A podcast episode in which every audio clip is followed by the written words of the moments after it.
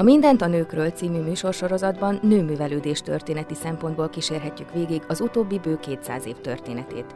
Igyekszünk felragyogtatni az elfeledett alkotónők arcélét, vagy árnyékban élő nőkről beszélünk, és olyan mozgalmakról, amelyek a női művelődést segítették elő. Podcastunkban kísérletet teszünk annak bemutatására, hogyan nyertek nagyobb teret a nők a művelődésben, és azután pedig a közéletben is. Szeretettel köszöntöm a kedves hallgatókat, Elekes Irén Borbála vagyok, nagy szeretettel köszöntöm a stúdióban Vojtiláné dr. Salgó Ágnest, az Országos Széchenyi Könyvtár régi magyar nyomtatványok tárának nyugalmazott vezetőjét, osztályvezetőjét. Nagyon örülök, hogy meg, elfogadtad a meghívásunkat nem is nagyon sok bevezetőt mondanék, egyszerűen csak annyit mondok, hogy gróf Aponyi Sándorné Eszterházi Alexandráról lesz szó. Egy olyan nőről, aki majd, mint látni fogjuk, a magyar művelődés történet nagy alakja, nem mondanám, hogy árnyékban tevékenykedett, de mégiscsak kevesebbet tudunk róla, mint a férjéről, Aponyi Sándorról életednek egy nagyon fontos, illetve két nagyon fontos szereplőjéről van szó, publikációk sokaságát alkottad meg ebben a témában, tehát mondhatni azt, hogy szinte személyes ismerőseid, én nagyon keveset fogok beszélni ebben a műsorban, annál is inkább, mert Ágnes hozott saját maga által aktuális zenéket, tehát a témához illeszkedő zenéket, amelyeket ő maga fog elmondani, hogy melyik miért is érdekes, tehát sokat fogunk zenét is hallgatni, és vágjunk bele ebbe a nagyon szép történetbe, kérlek, Egyrészt arról kellene beszélni, hogy elhelyezzük ezeket az embereket, mindkettejüket a korban. Szeretettel köszöntöm én is a munkatársakat is, és a kedves hallgatókat is. Ha valaki elmegy a Széchenyi könyvtárba, akkor szinte egy állandó kívánsága, hogy lássa az aponyi termet. A jelenleg várban levő Széchenyi könyvtár épületében ez az egyetlen olyan történelminek nevezhető berendezésű terem, amelyet sikerült a költözés után, 1985 után újra felállítani. Nos, ennek a gyűjteménynek a nagyasszonyáról lesz most szó, ugyanis Aponyi Sándor volt az adományozó, aki 1924-ben halála előtt néhány hónappal az akkor velünk egy egységet képező Nemzeti Múzeumra, illetve a Nemzeti Múzeum Széchenyi könyvtárára hagyta csodálatos hungarika gyűjteményét. Ez a gyűjtemény mondhatjuk azt, hogy világhírű. Tehát az egésznek a rangját a gyűjtemény minősége adja meg. Nagy részt Magyarországra vonatkozó idegen nyelvű irodalmat tartalmaz, tehát úgy fogalmazhatnánk meg, hogy hírünk a világban, tehát olyan műveket, amelyek magyarok, Magyarországgal kapcsolatosak, magyarokkal kapcsolatosak, a magyar történelemmel részben vagy egészben a kezdetektől egészen a 18. század végéig. Ez jelenti a hungarika Ez a hungarika, igen. Na most van benne olyan mű is, ami magyar szerzőktől külföldön idegen nyelven jelent meg. Természetesen ez az úgynevezett régi magyar könyvtár harmadik kategória, de túlnyomó rész nem ezeket gyűjtötte, hanem a külföldi szerzőktől idegen nyelven, külföldön megjelent munkákat. Most ebben a munkában volt neki nagyon nagy segítsége, társa, pártfogója, felesége Eszterhazi Alexandra.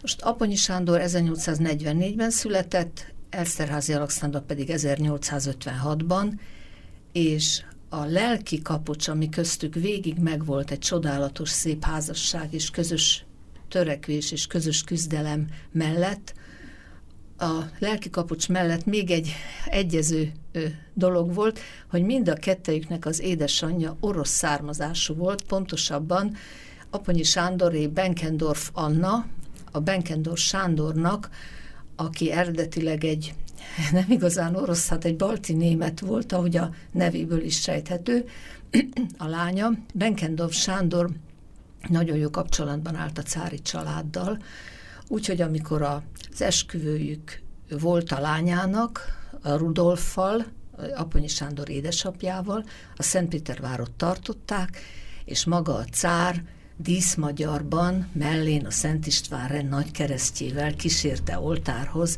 az ifjú Benkendorf Annát, és annyira jó volt a kapcsolat, hogy nem csak az ortodox szertartáson vett részt a cári család, hanem elmentek a katolikus szertartásra is, hiszen az aponyiak római katolikusok voltak, vagy hát az a család, szóval most is család római katolikus. Na már most a másik szál, tehát a Eszterházi Alexandra vonala pedig, az is nagyon érdekes, mert az ő édesapja Eszterházi, Miklós, Eszterházi Ernő volt, az Eszterházi a Csekliszi ágából, és ő pedig feleségül vette Tengomborszki Eufémiát, aki meg egy lengyel-orosz származású tudós diplomatának volt a lánya, és az Ludwig Tengoborski ma is még egy, egy idézett szerző, mert nagyon kiváló közgazdasági munkákat írt, például franciául, Oroszországnak a fejlődési lehetőségeiről, de a, a hazug monarchiának a pénzügypolitikájáról is épp úgy írt, úgyhogy ezek a művei többnyire Párizsban, például az Oroszországról szól 1852-ben Párizsban jelent meg franciául, és ha az ember rákattint, meg beírja a nevét, akkor még ma is az interneten lehet találni állandó hivatkozásokat erre az alapműre. Nos, tehát ez a páros, akik ugye orosz lengyel, illetve balti német orosz anyától származnak, teljesen magyar érzelműek voltak életük során, és mindenben Benkendorf Anna ugye a fiát segítette, Aponyi Sándort, és az ő menye lett ugye Eszterházi Alexandra, és ők csodálatosat alkottak sokáig együtt is, így hármasban, mert hiszen Benkendorf Anna 1900-ban halt meg, és addig nagyon sok mindenben segítette mind a fiát, mind pedig a menyét. Kicsit profán közbevetés, tehát anyós probléma nem igazán volt? Nem, nem. És annyira, jó, hát ez a jól nevelésből is adódott biztos, de Benkendorf Anna tényleg annyira jó lélek volt, és ezt elmondható lényegében az összes felmenőre, mert ez szinte hagyomány volt a, a jó, jótékonykodás és a jó indulat a családban. Hogyha azt gond, ha arra gondolunk, hogy hol is zajlott ez a közös élet, nagyrészt hol volt a szintér, hát ugye Tolna megyei lengyel községben. Ez egy nagyon érdekes dolog. Néhányszor volt alkalmam lejutni lengyelbe, és hát ugye arra gondoltam, hogy mindig minden görög szakos is vagyok úgy mellesleg, és eszembe jutott Hippokrátész és a millió elmélete, hogy, hogy mennyire ő azt állította, hogy a környezet, ahol az ember él, a természeti környezet nagyon meghatározza a lelkületet. Na most ők jó, az világ különböző részeiről kerültek össze, ugye származásuk révén, meg rengeteget éltek külföldön, de végül is a végső otthonuk lengyel községben volt, és lengyel Tolna megyének ugye a völgység része, és valami csodálatosan szelít táj. Szóval annyira, annyira jól érzi ott magát az ember, valahogy árad a, a jóság magából, a természetből, és abból a dimbes, dombos, szépséges vidékből.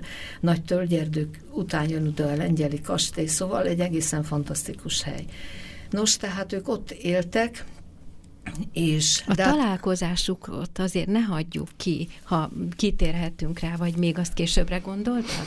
Nem, hát itt a pontos találkozásukról nem tudunk, ugyanis, ez, e, ugyanis Aponyi Sándor 1844-ben Párizsban született, tehát a férj, amikor a nagyapja, Aponyi György, illetve Antal ott volt a, a hazúbirodalom nagykövete. És az édesapja, Aponyi Rudolf pedig követségi titkár volt. Tehát az első 11-2 évét ők Pári, ő Párizsban töltötte, aztán áthelyezték 58-ban a, az édesapját Londonba, londoni nagykövet lett, és ő már ez alatt a gyermek, kora gyermek évek alatt is Aponyi Sándor nagy gyűjtő lett. Na most ugyanakkor a családnak, a család már korábban is megvette, a 18. század végén az, a dédapa megvette a Amádi család leszármazottaitól 1700-as évek végén ezt a Tolna megyei birtokrészt, ami nem csak lengyel községet és a hozzátartozó sok, e- néhány ezer foldas, hozzáteszem, nem a legnagyobb földbirtokosok voltak az aponyiak. Majd a végén elmondom, hogy mit hagyott végül is a Alexandra mekkora földterületet a múzeumra, de, de több község is tartozott a, a később szerte ágazó aponyi család kezdeti birtokába, birtoktestébe. Hát így például a hőgyész, most is van ott egy csodálatos aponyi kastély, jelenleg ilyen wellness szálloda, azelőtt meg gyermekotthon volt sokáig. Aztán Kölesd, ott volt egy, egy szintén egy ősi fészek, úgyhogy a, a nagypapa, Aponyi Antal oda ment a, a feleségével például egyszer annak is van egy emléke, egy obeliszka jelenlegi lengyeli kertben, mert azt átvitték oda, tehát több helyen volt nekik birtokuk. Na most azt, hogy ők hol ismerkedhettek meg, hát tulajdonképpen a, az Eszterházi család Pozsony környékén rendelkezett nagy birtokokkal, de miután a, a papa Eszterházi Ernő is nagyon sokat tartózkodott külföldön, tehát tulajdonképpen bármelyik külföldi útjuk, illetve illetve a családi kapcsolatok, mert ezek a nagy családok szegről végül mindig rokonok voltak, meg különböző generációk állandóan egybe kapcsolódtak a házasságok révén. Nagyon intenzív társasági életet éltek mindannyian, később is. Tehát ezt, hogy konkrétan hol ismerkedtek meg, ezt, ezt nem tudom megmondani, de minden esetre 22 éves korábban Eszterházi Alexandra hozzáment Aponyi Sándorhoz, aki föladta, szintén ő is volt diplomata pályán, élet. Ja, hát még annyit, hogy abszolút magyar érzelműnek nevelték Aponyi Sándort, egy, 40, egy emigráns 48-as honvéd készítette föl a piarista gimnáziumi vizsgákra, már magántanulóként magyar iskolában végezte a gimnáziumot, utána a Müncheni Jogakadémián tanult, de ott különböző egy vallástörténet, egyháztörténet és történeti stúdiumokat is folytatott, és amikor 1876-ban az édesapja Aponyi Rudolf meghalt, akkor úgy érezte, hogy a diplomáciai pályáról inkább a tudós pályára és a visszavonultságra vágyik, és akkor költöztek vissza édesanyjával Lengyelbe.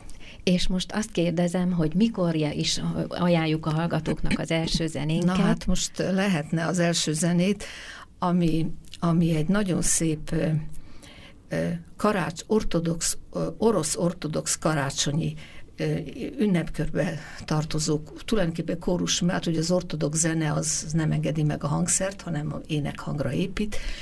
A bolgár Alexander Nyevszki katedrális kórusa énekel, és a Pridjitye Pokloniscsá a címe, de hát azt majd lehet is hallani a szövegből, annak emlékére, hogy két orosz arisztokrata anya gyermekeiről beszélünk most.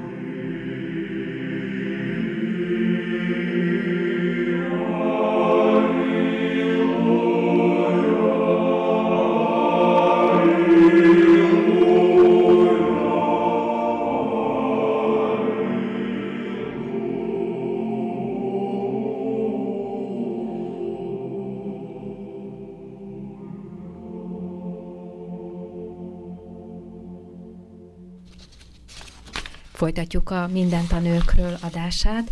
Vojtiláné dr. Salgó Ágnessel beszélgetünk, témánk pedig gróf Aponyi Sándorné Eszterházi Alexandra tevékenysége. Eddig, addig, addig jutottunk el, hogy házasságot kötöttek Aponyi Sándorral, az előzményeket is megtudtuk. Elkezdődött Lengyelben, abban a községben a közös élet. Folytassuk akkor itt.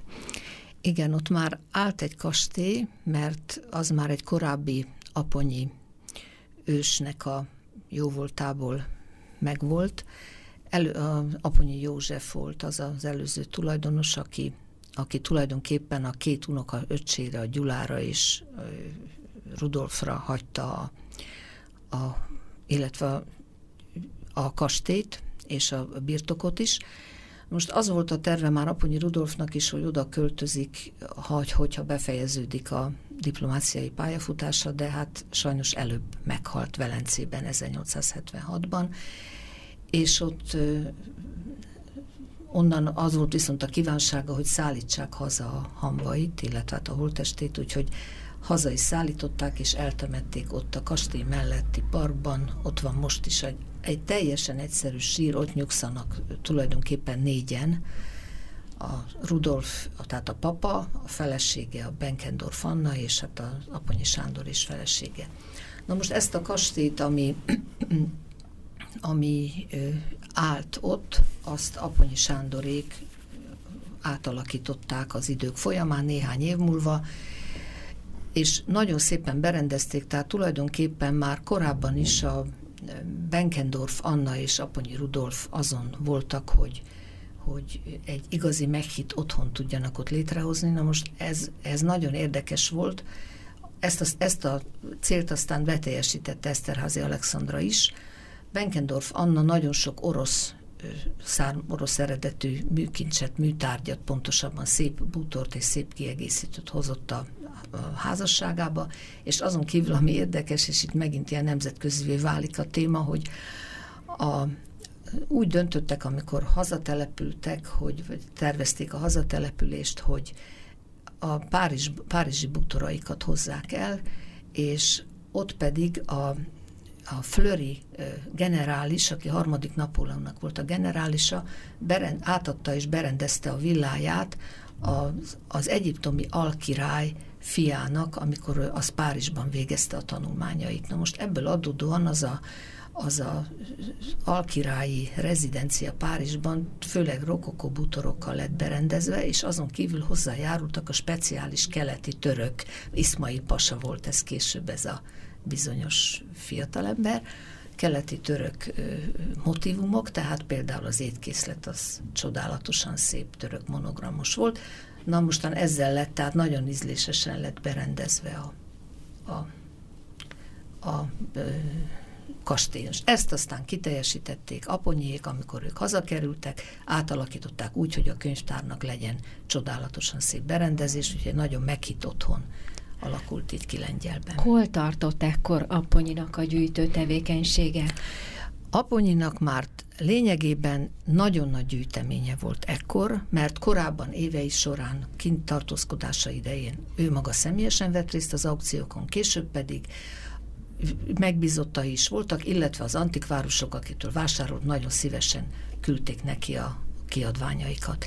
Úgyhogy tulajdonképpen egy nagyon nagy több ezres gyűjteménye volt, a családtól ő tulajdonképpen semmit sem örökölt, mert az a bizonyos nagyaponyi könyvtár, ami a dédapáé volt, azt a család másik ága örökölte, az elkerült Pozsonyba, ő ugye létrehozott ott a nagyapa lényegében egy közkönyvtárat, tehát az egy másik vonalra került, abból a gyűjteményből.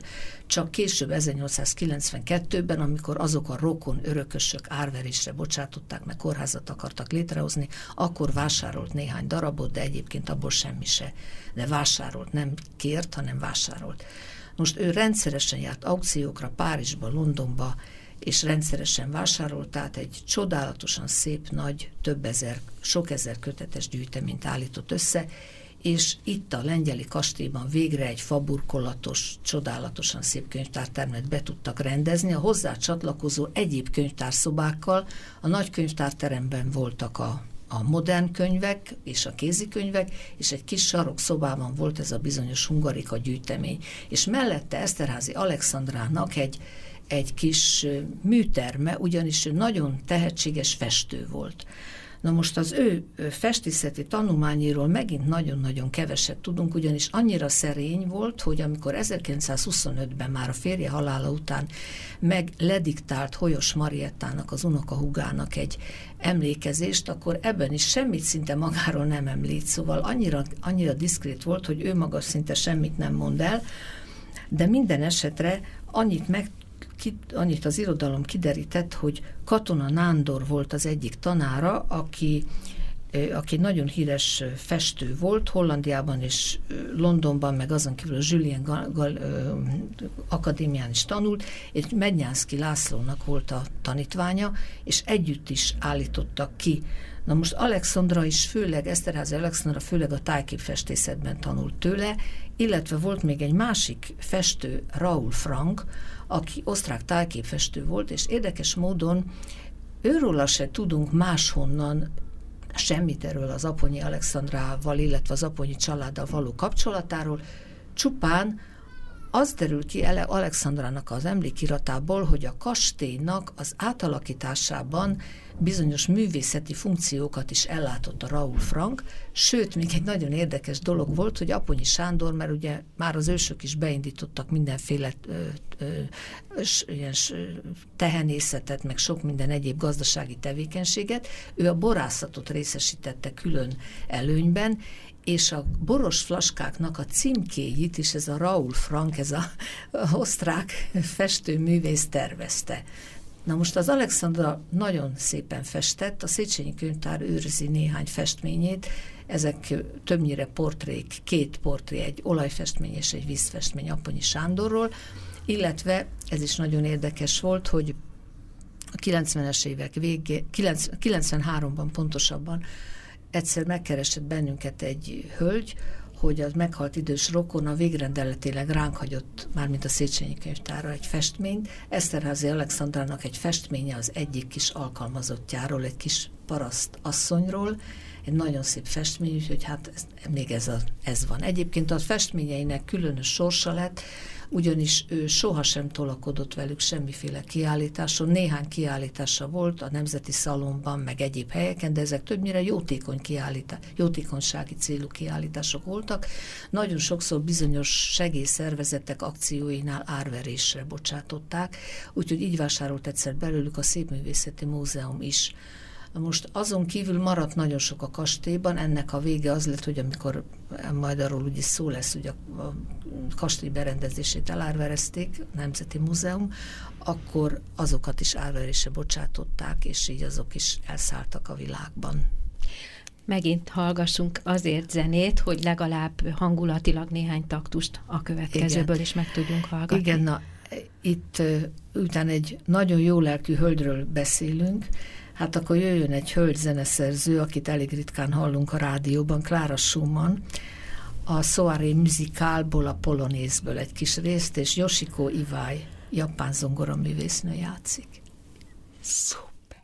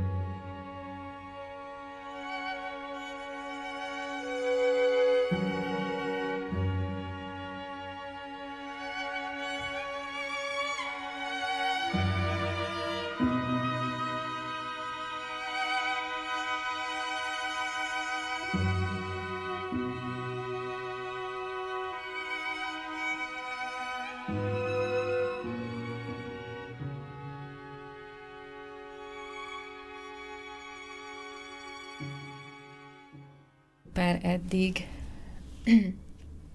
A Mindent a nőkről adását hallják. Remélem, hogy a magánbeszélgetésünket nem hallották közben. Ami azért történt, mert hogy megcserélődött a két hangfelvétel, de mindjárt tisztázzuk. Igen, mint a vágyfülű hallgatók észrevehették, ez nem Klára Schumann lemeze volt, hanem Franz Schubert vonós kvintetjéből a második tétel az Adagio, a Melos Quartet és Mstislav Rostropovics közreműködésével, de ez is nagyon jól ideillik, úgyhogy és majd a következő, és majd a következő lesz. lesz akkor a Klára Schumann. Ott hagytuk abba, hogy berendezték a könyvtárat, és közben beszéltünk a könyvtár kincseiről, és beszéltünk Alexandra festői ambícióiról, tehát két ö, műveltség, tudomány, művészet iránt érdeklődő ember került itt össze, akiknek az átlagosnál nagyobb hajlamuk van akár a tudomány, akár a művészet irányába. Lehetséges, hogy azt szokták mondani, hogy társadalmi helyzetük miatt, akármilyen furcsán hangzik, nem tudtak száz százalékig ennek élni mert hogy más dolgaik is voltak. Igen, meg, meg úgy érezték, hogy nem szabad hogy nehogy azt érezze a közönség, hogy ők visszaélnek a származásukkal, hogy sok festő éhezik, nyomorok, stb. stb. Tehát Eszterházi Alexandra nem akart tolakodni a festészetével. Volt néhány éve egy, egy kiállítás szombathelyen arisztokrata festők munkáiból, hát hogy egyedül a Benyászki László volt az, aki arisztokrataként nagy festő lehetett, a többi mind a háttérben maradt, hát ő is. Mondjuk biztos nem volt, biztos nálánál voltak sokkal tehetségesebbek is, hát én csak néhány képét ismerem, meg nem is vagyok művészettörténész. De minden esetre ez is a teljes élethez tartozott náluk, és de az, míg a férje a könyveinek a beszerzésével és a katalógusának a készítésével, le is írta a műveket, annotált, tehát ö, magyarázó jegyzetekkel, értékelő jegyzetekkel kísért katalógusban, amiből lényegében három kötetet a férje összeállított, kettő meg is jelent már az életében, a harmadik a halála után, de még az ő munkájaként, a negyedik pedig Dézsi Lajos segítségével, egyetemi tanár segítségével lett teljessé. Tehát Nos, az alatt ők rengeteget tettek a közösségért, és ebben megint csak kézen fogva egymás partnerei voltak. Hát itt érdemes néhányat említeni, hogy mi mindent. Aponyi Sándor például nagyon sokat adományozott a közgyűjteményeknek, illetve rokonait rávette, ha volt valami kincsük, és az közgyűjteménybe való volt, hogy adományozzák oda annak a gyűjteménynek. Na hát például 1873-ban felküldött a Nemzeti Múzeumnak egy római kori Tolnában talált rézlapot, egy úgynevezett Tabula Honesti Missionis, amiben Trajánus császár Krisztus után 98-ban egy 25 éves gyalogos katonai szolgálat után visszavonuló Publius Insteiusnak, Agrippa fiának, tehát egy volt római katonának teljes jogú római polgárságot adományozott. Tehát ezt a, a Nemzeti Múzeumnak adományozta, mint olyan gyűjteménynek, ami az ilyesminek örül és, és ér, értékelni tudja. Most 1877-ben Rácegresi pusztán, ugye Rácegres az híres ugye a magyar irodalomból is, és Gyula révén, aki írt arról a vidékről is, puszták népe, stb. Tanítói állást alapított tisztességes tanítói fizetéssel, mint a helyi lap írja, ez nem csak akkor a fizetés volt, hogy a tanár éppen, hogy éhen nem halt, hanem ez sok minden egyébre is tellett. Aztán 1883-ban új elemi iskolát alapítanak lengyelben. Ekkor már a segítségükre volt Vosinski Mór is az oda csalogatott plébános, vagy oda kinevezett plébános ez az iskola nemrég szűnt meg 2007-ben, azóta folyamatosan működött. És annyira figyeltek a lakosságra, hogy a lakosságot nagyrészt német anyanyelvű volt, akiket hát ugye a török kiűzése után Mária Terézia idején telepítettek nagyrészt be, és nagyon toleránsak voltak, tehát az oktatás kezdetben német nyelven folyt, és aztán fokozatosan próbálták a magyart is egy kicsit megszerettetni. Ennek az egyik eszköze volt az olvasókör, amit létrehoztak 1888-ban, ami rendszeres rendezvényeket és olvasási lehetőséget biztosított a helybeli lakosságnak. Na most a lengyel egy eléggé kis létszámú település volt, de, de gondjuk volt arra, hogy az ottani tisztviselők, akár a parasztok is, a, akik a földjeiken dolgoztak, hogy azok kapjanak valami kultúrát is. Tehát lehetett könyveket olvasni, járattak lapokat, újságokat, napilapokat, képeslapokat, sőt, még német nyelvű újságot is a német nyelvű lakosságra való tekintettel. Aztán létrehozták az önkéntes tűzoltó egyesületet. És végül 91-ben pedig egy római katolikus magánovodát a régi kiskastély épületben volt a kerti park végén egy kiskastély, amiben a, amíg a nagy kastély épült az elődök idején, akkor ott laktak a, a grófék. Most ezt is Aponyi Sándor fizette, tehát a, a fenntartás, a bér, az mind a, a grófi házaspárnak a feladata volt, hogy azt biztosítsa. És körülbelül hogyan oszlottak meg, lehet-e tudni közöttük, kettejük között a, a feladatok az együttélés során? Hát lényegében Aponyi Alexandra mindenben társa volt a férjének, szóval ez mondjuk amíg a férje élt, addig erről szinte adat alig van mert... Közös döntések. Igen, meg, meg amikor, hát a, most már nem tudom kikerülni, hogy mi lett a sorsa a gyűjteménynek, mert akkor válik értetővé minden, tehát ugye Aponyi Sándor 24, 1924-ben végrendeletileg, miután nem volt gyerekük, meg örökösük, a Nemzeti Múzeumnak adta a könyvtárát.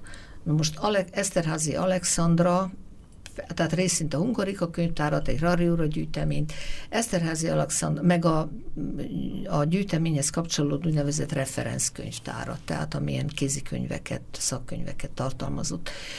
És Eszterházi Alexandra pedig hozzáadta még a nagy könyvtárat is, a nagy általános könyvtárat, illetve az egész berendezés, sőt, aztán, amikor nem oldódott meg az a birtok öröklésének a gondja, mert először örökbe fogadták egy unoka testvérüknek a gyerekét, de az sajnos az idők folyamán egy-két év alatt méltatlanná vált, mert a, nem ezt a lelki alkatot bírta szegény, hanem nagyon szeretett lóversenyezni, és egy-két év alatt 80 ezer pengő adósságot csinált, és amikor ezt neki szóvá tették, akkor 24 őszén valamikor családostul elhagyta a kastélyt és elment. Most ők nem tettek semmiféle ellenlépést, hanem Aponyi Sándor elfelezte a, a, a vagyont, és a köteles részt kiadták a halála után az unokaöcsnek, és így a gorófnőre szállt a másik rész. Na most ez egy nagy gond volt, ez, ez közel több mint három ezer holt földet és egyéb gazdaságot és mindent jelentett, és ennek a gondját a grófnő nem tudta maga ellátni már, és hát ő is, ő is idős volt már, úgyhogy akkor ezek után ezt is a Nemzeti Múzeumra hagyta, tehát a Nemzeti Múzeum örökölt egy birtokot, gazdaságot. Igen, akkor talán most következik Igen, valóban. akkor most a Klára Schumannnak a polonéze, polonézéből egy részlet.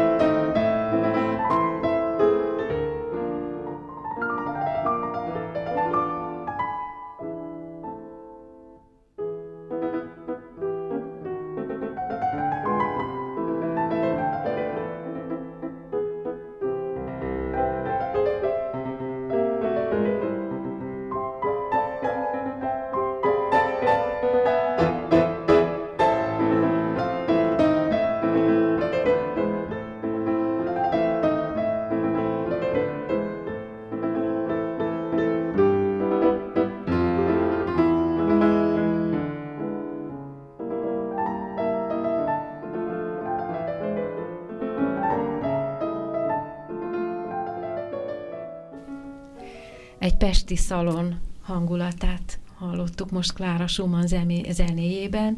Ezzel azt kötjük át, hogy nem csak lengyelben tartózkodtak, azzal együtt, hogy egy nagy gazdaság élén voltak, és egy gyönyörű környezetben budapesti életük is volt. Mit tudunk erről? Igen, az a nagyon érdekes Budapest történetéhez is kapcsolódik az ő sorsuk, ugyanis az 1870-es években kezdték beépíteni az Andrási utat, és igazság szerint nagyon jó lenne, a minden palotán lenne egy tábla, hogy a eredetileg kiépítette, mert a kultúrtörténetet ott nyomon lehetne követni. Nos, tehát a, a jelenlegi Andrási út 106-ban, hát a 104-ben volt az erdődi palota, most 104 és 106 ma az orosz nagykövetségnek a konzul, a 106 a na, nagykövetség konzul hivatalja, hivatala, és ha az ember szembeáll a telekkel, akkor ma egy üvegkocka épületet lát, úgyhogy úgy belett építve, hogy én őszintén szóval nem tudtam még kideríteni, hogy áll-e mögötte a kertben még a hajdani villa, de szóval ott állt a 106-ban az a bizonyos palota, ami egy, az úgynevezett Hieronimi villa, Hieronimi Károly a mérnök volt és belügyminiszter 1836-tól 1911-ig élt, és konzervatív politikus, és a Dunatisza csatornának a fő szorgalmazója, és mindenféle ipari és közlekedési újításoknak az ötletadója. Most ő építette ezt a palotát, és 1909-ben vásárolták meg tőle Aponyi Sándorék. Tehát 1909-től rendszeresen a téli hónapokban feljöttek Budapestre, és berendezték itt is nagyon szépen az András úti palotájukat, és felhozták a, a, a Hungarika könyvtárnak, illetve a, könyv, a, a Rárióra könyvtárnak is, tehát a ritkaságokat tartalmazó könyvtárnak is azokat a darabjait, amelyeket be kellett köttetni, vagy valami munka volt velük. Bár ők többnyire francia meg angol könyvkötőkkel dolgoztattak. Na most ez a villa ez a társaság életnek lett a központja, úgyhogy ilyenkor jártak fogadásokra, bálokra, a korabeli újságok, mint például a Magyar Szalon, meg a Tolna megyeiek is rendszeresen beszámoltak, hogy merre jártak, és nagy bálokon például a, volt úgy, hogy a főhercegekkel nyitó táncot Aponyi Sándorné táncolta, szóval ment itt azért a, a társasági élet. Most a szomorúsága az lett ennek a budapesti villának, hogy 1919-ben a tanácsköztársaságot a lengyeli kastély megúszta, majd arra is visszatérnék, hogy miért és hogyan, de a budapesti villát sajnos kifosztották, és a könyvek közül, amik ott voltak, 40 valahány könyvet elloptak.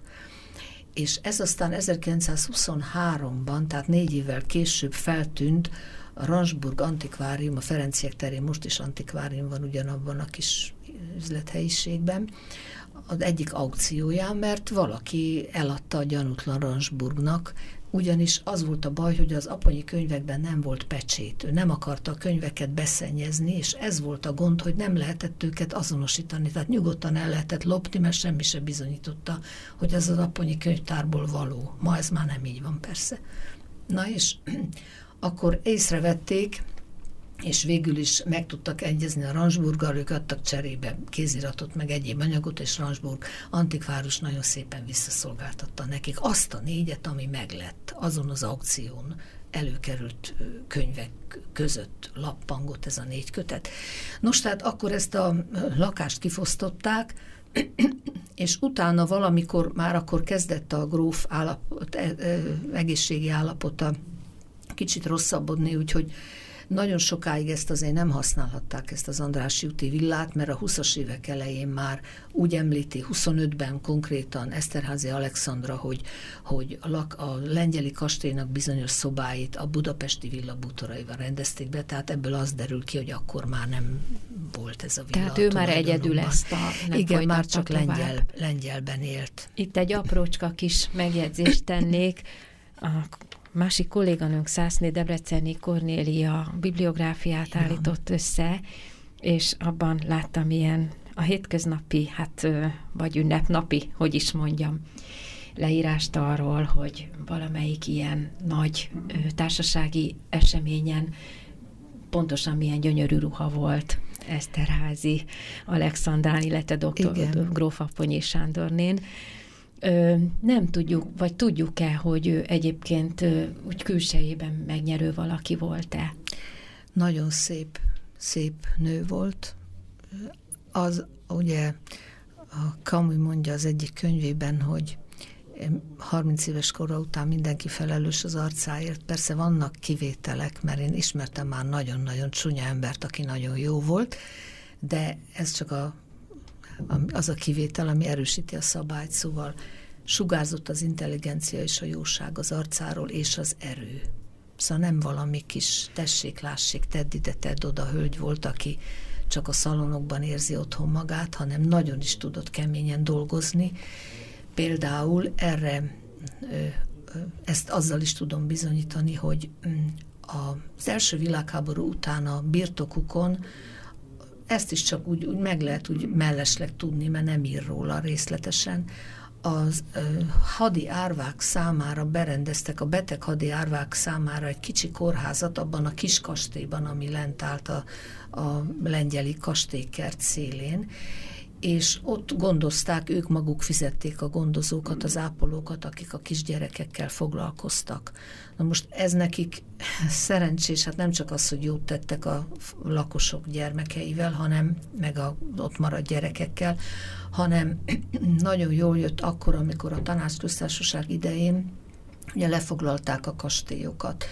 Most oda is jöttek, jött egy kommandó 19-ben, és hát a nép nevében ugye le akarták az egész kastélyt foglalni, de aztán kiderült, hogy ugye ott, ott egy gyermekkórház is működik, és akkor azt mondták, hogy na jó, hát akkor legyen az egész az, úgyhogy akkor nekik ugyan kellett az az épület, tehát a, át kellett szállítani a gyerekeket a nagy kastélyba, tehát ott, ahol ők is laktak, de végül is a tanácsköztársaság idején a kastélyban gyerekkórház működött, és ki is volt írva egy hatalmas nagy transzparensre a kastély falára, hogy ha jönnek újabb csapatok, hogy ne bolygassák a kastélyt, mert ott a, a vörösöknek a, a gyermekkórháza működik.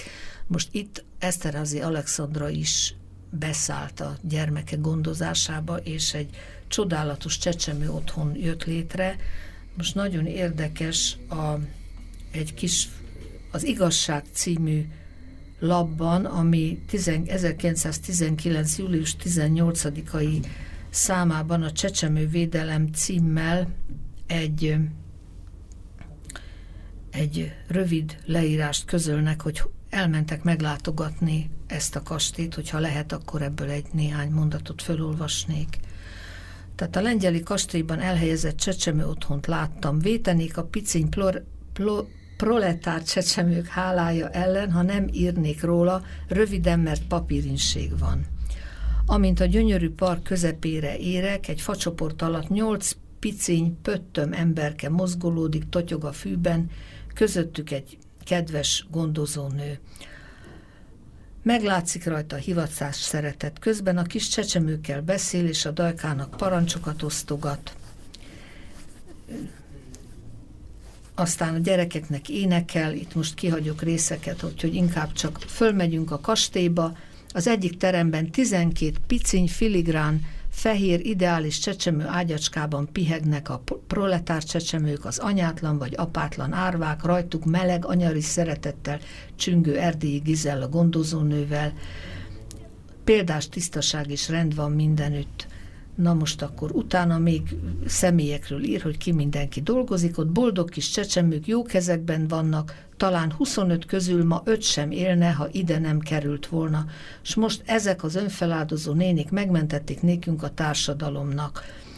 Hát ugye az otthon Sebestyén vármegyei fővédőnővel 1918-ban az áldozatkészségről és emberszeretetről ismert Aponyi Sándorné alapította ma a tanácsköztársaságé az egy év alatt az összes halálozások száma egy. Pedig hát itt a idézetnek vége. Iszonyatos volt a csecsemő halandóság, és Aponyi Sándorné mindent elkövetett, úgyhogy gyakorlatilag ők látták el a élelemmel is az egész társaságot, akik gyerekeket és gondozókat egyaránt, és a gondozók egy részét is ők fizették. És azon kívül, amikor már fogyóban volt az élelmük, akkor a lakosság segített, úgyhogy Aponyi Alexandra tulajdonképpen az egész, ez ugye egy újságcikk volt, ezt nem ő írja meg, hogy őt megdicsérték, mert ő magáról sosem ír. De az emlékiratában, publikálatlan emlékiratában megemlíti, hogy ő köszönheti a, a jólétüket a falu lakosságának 19-ben, akkor, amikor olyan éhínség volt mindenütt, mert hogy sokan jöttek oda hozni ezt, azt, azt kis fehér lisztet, meg egyebet, mert tudták, hogy inséges időket élnek. Szóval ez is mondjuk jellemző rá, hogy ő, azt, hogy ő mit, mit tett, azt szint, arról szinte sose lehet olvasni, azt úgy kell kikeresgélni a korabeli újságokból. Nem tudom, hogy a következő zenénk illik-e ide, de minden esetre hallgassuk Igen, meg. hát a, ha most lehetne, akkor a Liszt Ferenctől a Szent Ferenc prédikál a madaraknak, abból egy kis részletet Jandó Jenő játszik, hát ugye ez a szeretet, ami itt dominál.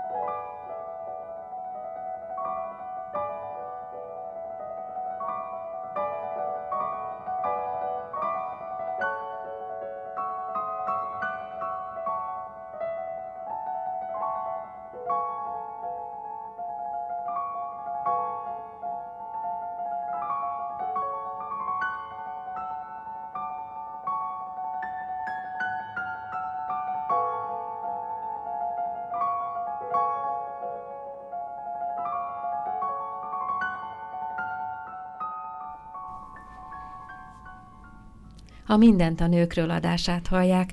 Vendégünk dr. Vojtilané dr. Salgó Ágnes, Aponyi Sándornéról beszélünk, Gróf Aponyi Sándornéról, sok mindent megtudtunk már róla. Most következik egy, hát egy kritikus esemény. Igen, 1905. januárjában éppen Pozsonyba ment a házas pár, a Eszterházi Ernőt tehát az édesapa, Aponyi Sándorné édesapjának a temetésére, és nagyon hideg tél volt, és a gondnok, aki a házra, a kastélyra vigyázott, hogy ne fagyjon el a padláson levő víztartály, fölvitt ö, parazsat egy fémtálban, hogy oda tegye a víztartály mellé. Most közben ott voltak papír dolgok, meg minden egyéb bútor, és tüzet fogott, úgyhogy pillanatok alatt lángba borult az egész kastély teteje. Iszonyatos nagy tűz lett, és hát az egész falu összefutott menteni. Tényleg fantasztikus volt a falu helytállása, és hála Istennek sikerült a tüzet eloltani, pedig szinte tornádószerű szélvész tombolt még a tűz mellett.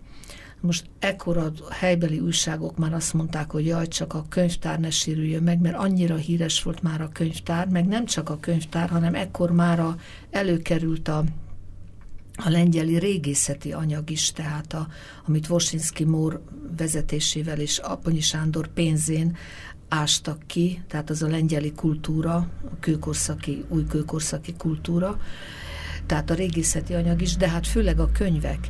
Na most szerencsére a könyvek nem sérültek, viszont a padláson tárolt sok régi bútor a Egyiptomi alkirálynak a, a csodálatos étkészletével együtt, az mind elégett.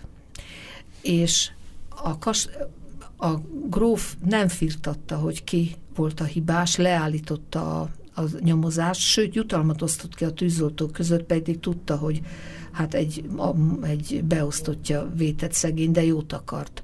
Na most a kas, így aztán a, a gyűjtemény tulajdonképpen megmenekült, csak kisebb beázások voltak a tetőn. Na most ez a gyűjtemény akkorra már már két hamarosan megjelent, ugye, hát meg, meg is jelent már 1902-re két kötetben a, az első rész, a katalógusa, és lázasan dolgozott Aponyi Sándor a következő években is a katalóguson, most már a feleségének a nagyon aktív segítségével is, aki beszállt a korrektúrákba, a fordításba, a, hát németül, angolul, franciául természetesen mind a ketten, olaszul mind a ketten nagyon jól tudtak, úgyhogy fantasztikus nyelvtudással rendelkeztek. És aztán ez a munka folyt, ez a lázas munka egészen Aponyi Sándor haláláig. 1925. április 18-án halt meg. Most a, ott maradt egy harmadik kötet a könyvtár állományának a feltárásából, nyomdakész kéziratban, ami megint a kezdetektől taglalta a hungarika anyagot.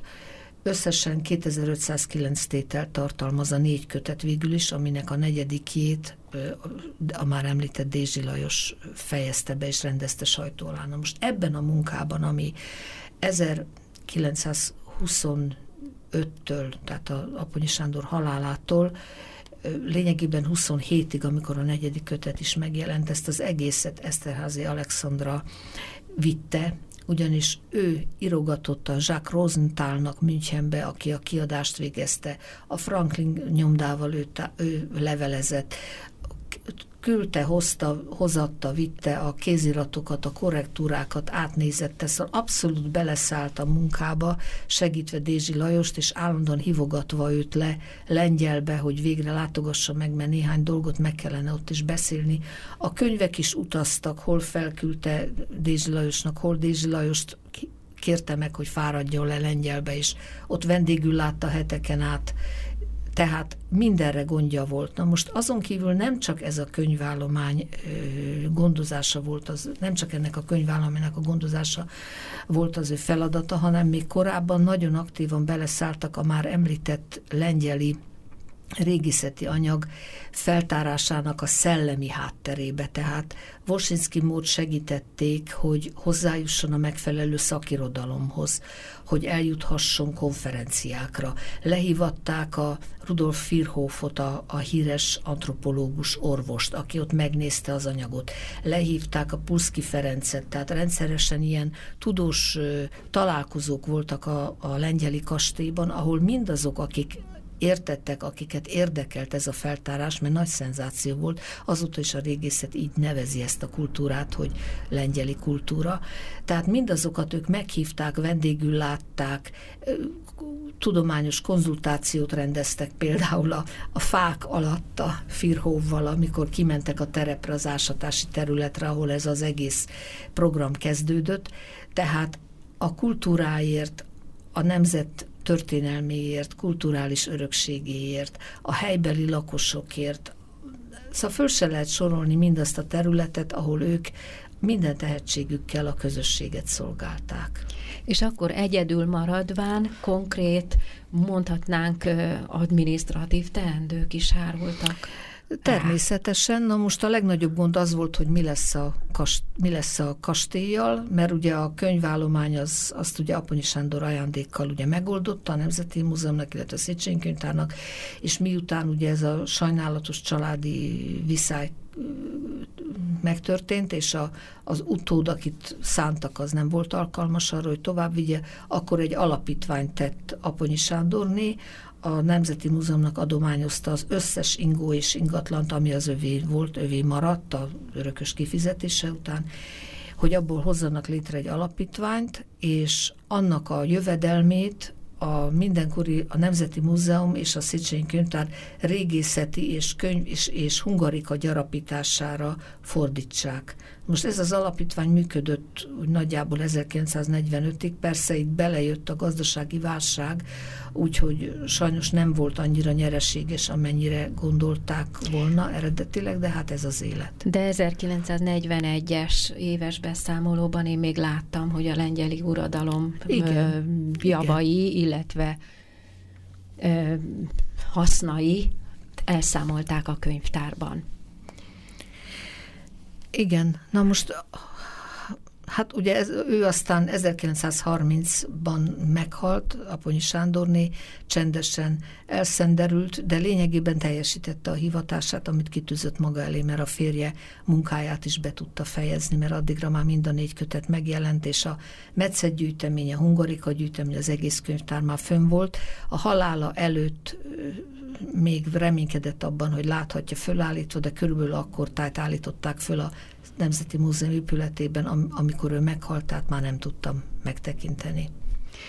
Nagyon röviden átszaladtunk egy áldozatos életen, egy példaértékű női sorson, aki férjével együtt kéz a kézben vitte véghez ezt a sok mindent, amit itt elmondott nekünk dr. Salgó Ágnes. Nagyon köszönöm, hogy elfogadtad a meghívást, és szerintem nagyon sok minden kimaradt ahhoz, hogy esetleg egy másik alkalommal még részleteket áruljunk el ebből az élettörténetből. A legutolsó mondatként mit mondanál el egy összefoglaló mondatként Eszterázi Alexandráról? Egy olyan ember, aki fölismeri a tehetsége és lehetőségei révén, hogy mely feladat körökben tud teljeset alkotni. Ez a legszebb végszó. Köszönöm a figyelmüket a hallgatóknak a viszonthallásra.